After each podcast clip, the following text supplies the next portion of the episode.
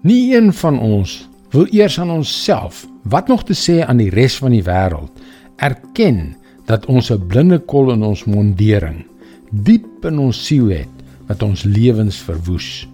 Nie een van ons nie. Hallo, ek is Jockey Gouchee vir Bernie Diamond en welkom weer by Vars. Ons trots veroorsaak dat dit moeilik is om ons blinde kolle te hanteer.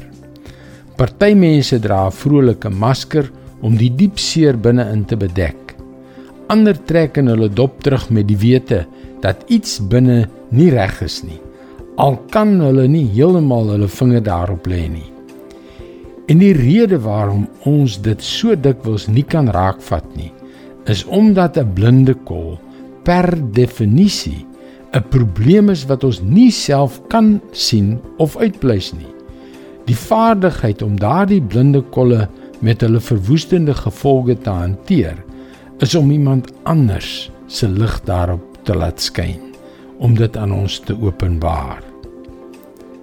Maar voordat dit kan gebeur, moet ons onsself verneder deur te erken dat iets verkeerd is en dat ons magteloos is om dit te hanteer. Dit is hoe die psalmis dit in sy gebed tot God stel. Psalm 19 vers 13 en 14. Wie kan sy eie oortredings verstaan? Spreek my vry oor verborgde sondes en bewaar my van opsetlike sondes. Laat hulle nie oor my heers nie. Dan sal ek vry wees van skuld en onskuldig aan groot oortredings. Trouwens, hy erken nie net dat hy 'n blinde dwaas is nie maar hy spreek 'n begeerte uit om nie voortdurend in sy geheime sonde vasgevang te word nie.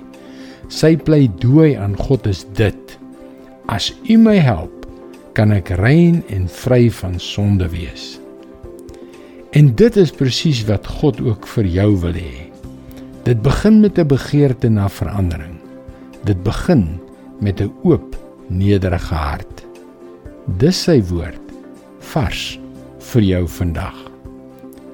Hoe ontwikkel jy 'n oop, nederige hart? Deur die psalmes se leiding te volg en daarvoor te bid. En die enigste soort gebed waarvan die Bybel ons leer is die soort wat kragtige resultate het. Jy kan jou gebedsversoeke na ons gebedsspan by powerfulprayer.org stuur. Jy kan egter nog op die gewone webwerf varsvandag.co.za vir jou daaglikse vars boodskappe inteken. Mooi loop en luister weer môre na jou gunstelingstasie.